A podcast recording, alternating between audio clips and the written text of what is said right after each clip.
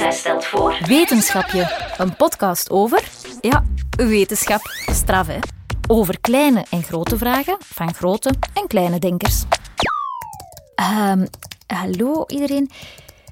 Ik ben Leen, ik ben... ehm, ja, wacht even. Ik ben in gesprek met ChatGPT. ChatGPT dat is een chatbot op de computer waar je van alles aan kan vragen. Een beetje zoals Siri. En ChatGPT antwoordt niet met een stem, hij antwoordt in tekstvorm. Een beetje zoals je een sms'je zou sturen naar je mama of naar een vriend. En deze aflevering gaat over chatbots. En ik dacht, ik ga gewoon aan ChatGPT, want dat is dus een chatbot, vragen of hij de intro kan bedenken.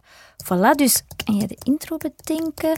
De vraag is gesteld en nu up, enter. Voilà, ChatGPT, all yours. Hoi daar, avontuurlijke luisteraars. Hallo, dag ChatGPT. Welkom bij een nieuwe, opwindende aflevering van Wetenschapje Junior. Huh?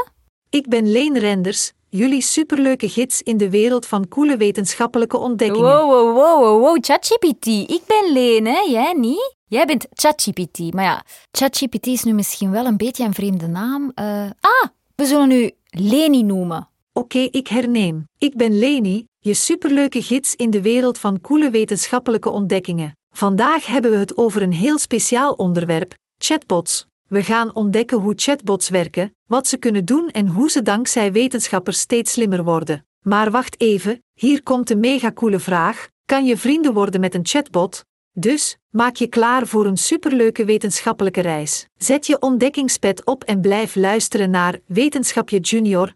Let's go on a science adventure. Eh, die spreekt over wetenschapje junior. Het is gewoon wetenschapje hoor. En ehm, let's go on a science adventure. Dat is Engels, dat doen we nooit. Oh, dat is niet mijn stijl. Beetje te veel hippe woorden. Fake cool, maar bon. Ik ga het niet meteen afschieten. Dus inderdaad, let's go. Kan je vrienden worden met een chatbot?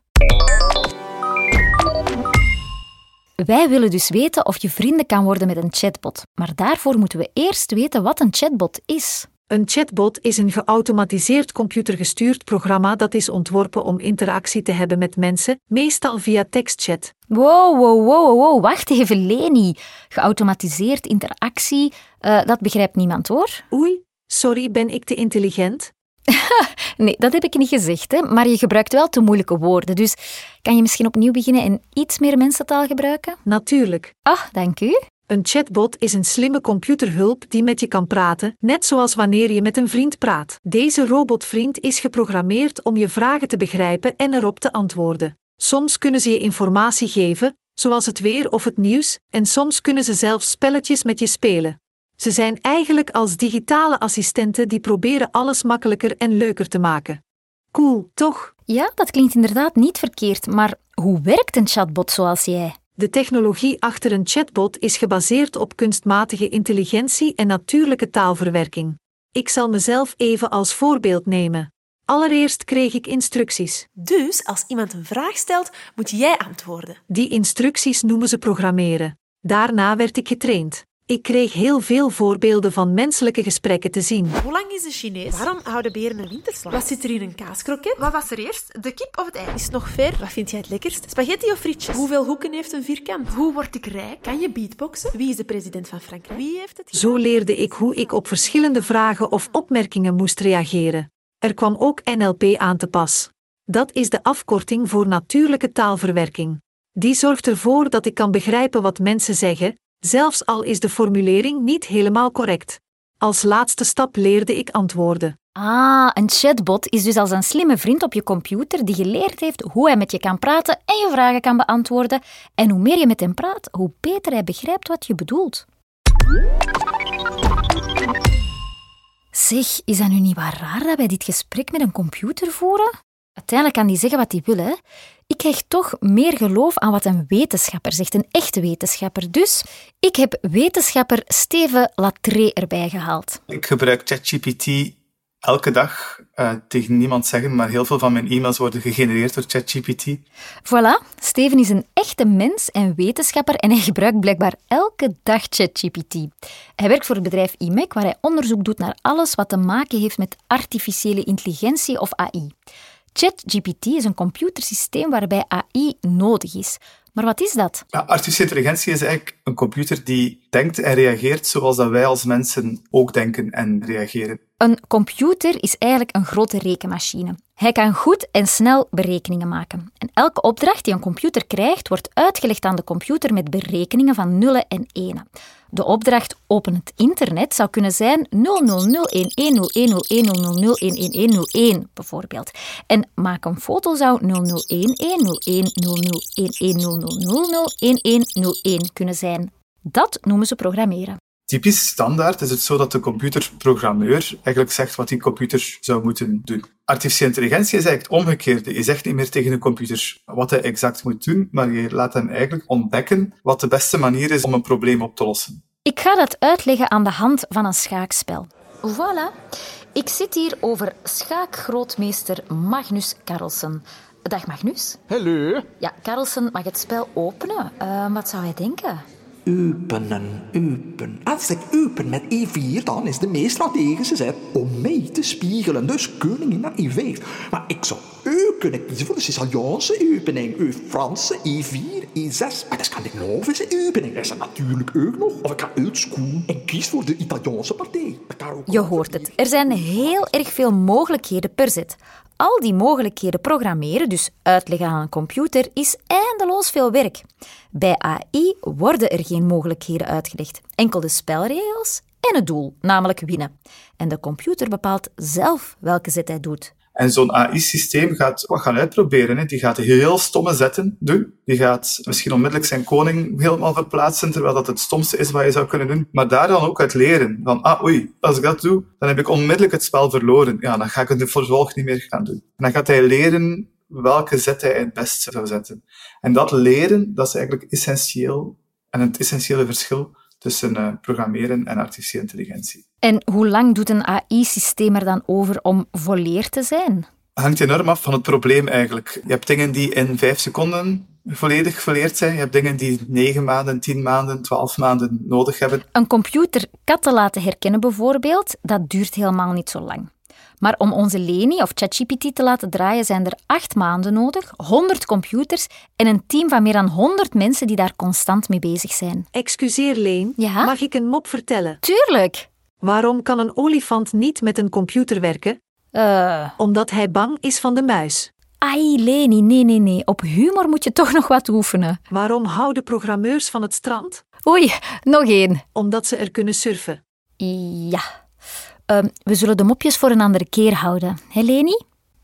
Een AI-systeem zal leren door ervaring op te doen of door voldoende voorbeelden te krijgen. Zo moet Leni nog veel mopjes lezen. Ze kan ze zelf nog niet bedenken. Als je duizend foto's van een kat aan een AI-systeem toont en hem bevestigt als hij het goed heeft of corrigeert als hij het fout heeft, dan gaat hij na een tijdje begrijpen wat een kat is. En dus ook een kat herkennen die hij nooit eerder gezien heeft.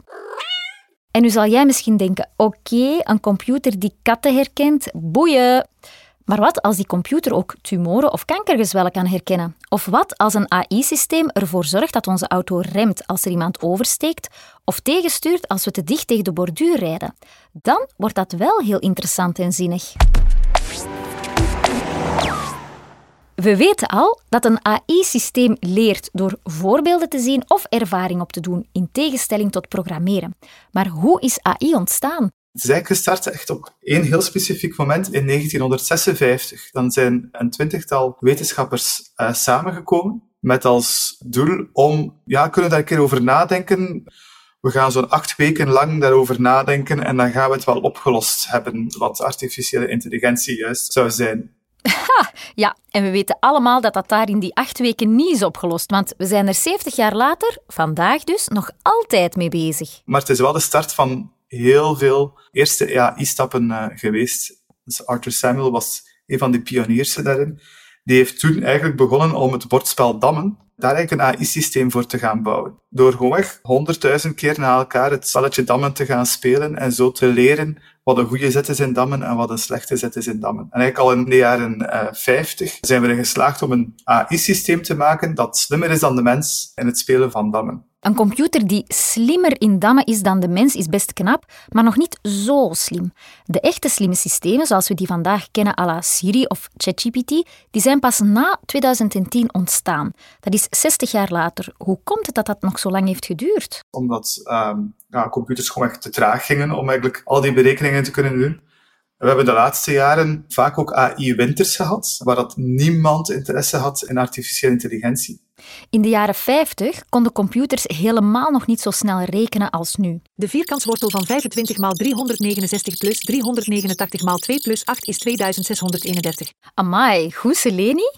Mocht men een ingewikkeld systeem bouwen, zoals Leni bijvoorbeeld, dan zou dat 30 jaar duren eer die computer al die berekeningen had uitgevoerd. Er bestonden nog geen supersnelle computerchips. Maar wel superlekkere. Yummy. Chips. 30 jaar wachten, ja, dat is natuurlijk heel erg lang en heel erg duur. Ook het internet bestond nog niet in de jaren 50. Echt? Ja, zot hè? Dat jullie mensen konden leven zonder internet. Ongelooflijk. Ja, toch is het zo. En ik vertelde al dat AI leert door voorbeelden te krijgen. Een computer 10.000 foto's tonen van een kat was in de jaren 50 dus een pak moeilijker dan nu. Kortom, de technologie was nog niet ver genoeg gevorderd. En er zijn ook periodes geweest waarin er niemand geïnteresseerd was in AI, waarbij het onderzoek naar AI volledig stil lag. Ik denk dat nu juist het omgekeerde is. We zitten nu in een enorme hype rond artificiële intelligentie. We weten al dat AI in de jaren 50 is ontstaan, maar pas in 2010 echt baanbrekende toepassingen kent. Hoe zijn chatbots ontstaan, zoals ChatGPT en onze Leni hier? Aha, Leen. Ik heb daar een mopje over. Aha, hopelijk grappiger dan je voorgaande mopjes, hè? Ik heb ondertussen veel geleerd over humor. Goed, vertel. Hoe wordt een babycomputer geboren? Eh, geen idee. Door een moederbord. Ehm, Ha ha ha ha ha ha ha ha ha ha ha grappig, toch? Nee? nee. Bon.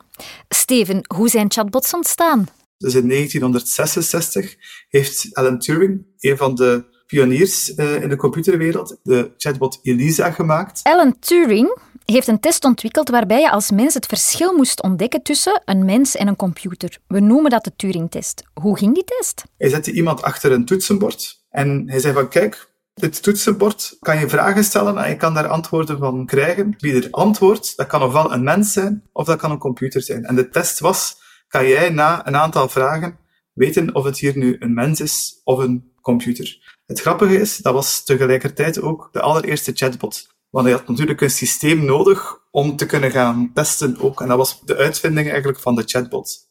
Graaf. Dus de eerste chatbot is in 1966 al uitgevonden. Het heeft nog tot 2014 geduurd eer de eerste computer de Turing-test had doorstaan. En men dus kon spreken over een intelligente computer. Na chatbot Elisa zijn er nog vele chatbots gevolgd. En de meest gekende zal Siri zijn, denk ik. Maar we kennen een chatbot ook als eerste contact bij een klantendienst bijvoorbeeld. Die chatbot moet helemaal niet zoveel kunnen. Er zijn ook veel slimmere toepassingen, zoals de My AI op Snapchat, maar ook recent ontworpen ChatGPT. ChatGPT is ontstaan nog maar een jaar terug, dus in november 2022. Wacht, ik leg even uit wat ChatGPT nu precies is. ChatGPT bestaat uit het woord chat en GPT. GPT is de afkorting van een heel moeilijk begrip, generatief pre-trained transformer. Vergeet die afkorting? GPT is een systeem dat heel snel teksten kan schrijven. Je kan bijvoorbeeld aan GPT vragen of hij een opstel kan schrijven over de dinosauriërs. En GPT heeft heel het internet gelezen en hij zal je een tekst geven met de info die hij gevonden heeft over dinosauriërs. Chat komt van chatten en dat staat voor praten in tekstvorm, zoals bijvoorbeeld sms'jes sturen. En dus je kan praten met GPT, net zoals je met je vriend praat. Maar wat is het verschil met een zoekmachine zoals Google bijvoorbeeld? Als ik iets zou willen weten over het laatste nieuws van vandaag of van gisteren, dan gaat Google mij dat heel snel kunnen geven. En zelfs iets wat een kwartier geleden gebeurd is, zou ik al kunnen zien.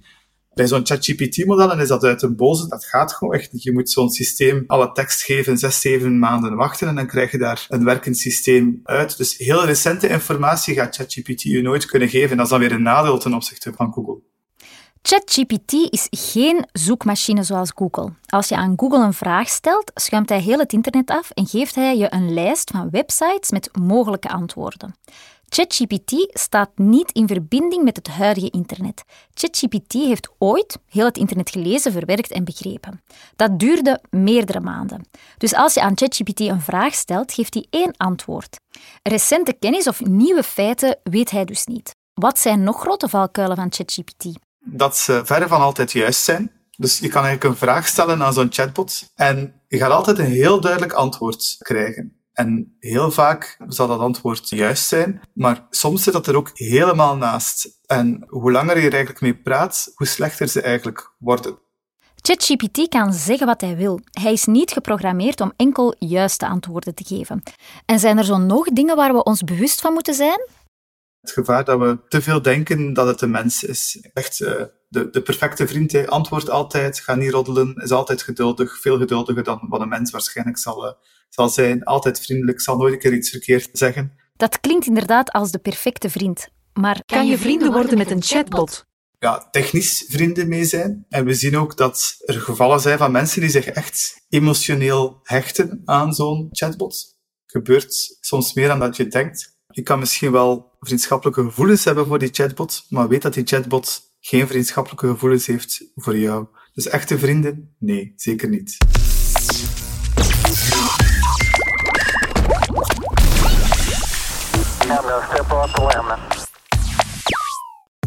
Zit jij al langer met een borrelende vraag? Stel ze gerust aan leen.geluidshuis.be. Wie weet maak ik er wel een heel wetenschapje van. Dit was Wetenschapje, met de vakkundige kennis van Steven Latree in samenwerking met IMEC. Wetenschapje is een productie van het Geluidshuis. Concept, host en regie, Leen Renders. Klank en muziek, Bram Kouwmans. Illustratie, Sam van Bellen. Met hulp achter de schermen van Katarina Martinovski, Laure Buts, Pieter-Jan Vinks en Marijke Gutes. Heb je genoten van deze aflevering? Geef dan een score of laat een recensie na. Zo vinden anderen ook de weg naar deze podcast. Op wetenschapje.be vind je meer info en onze andere producties zoals Piep, Fladdermuis en Het Hart van de Yeti en heerlijk hoorspel De Haan Kantenkleer. Dag wetenschappers, tot snel! Oleen, mag ik nog één mopje proberen? Ja, oké dan. Wat zegt een ezel als je hem omdraait? Geen idee, Leni. AI. Ha ha ha ha ha ha ha ha ha ha grappig?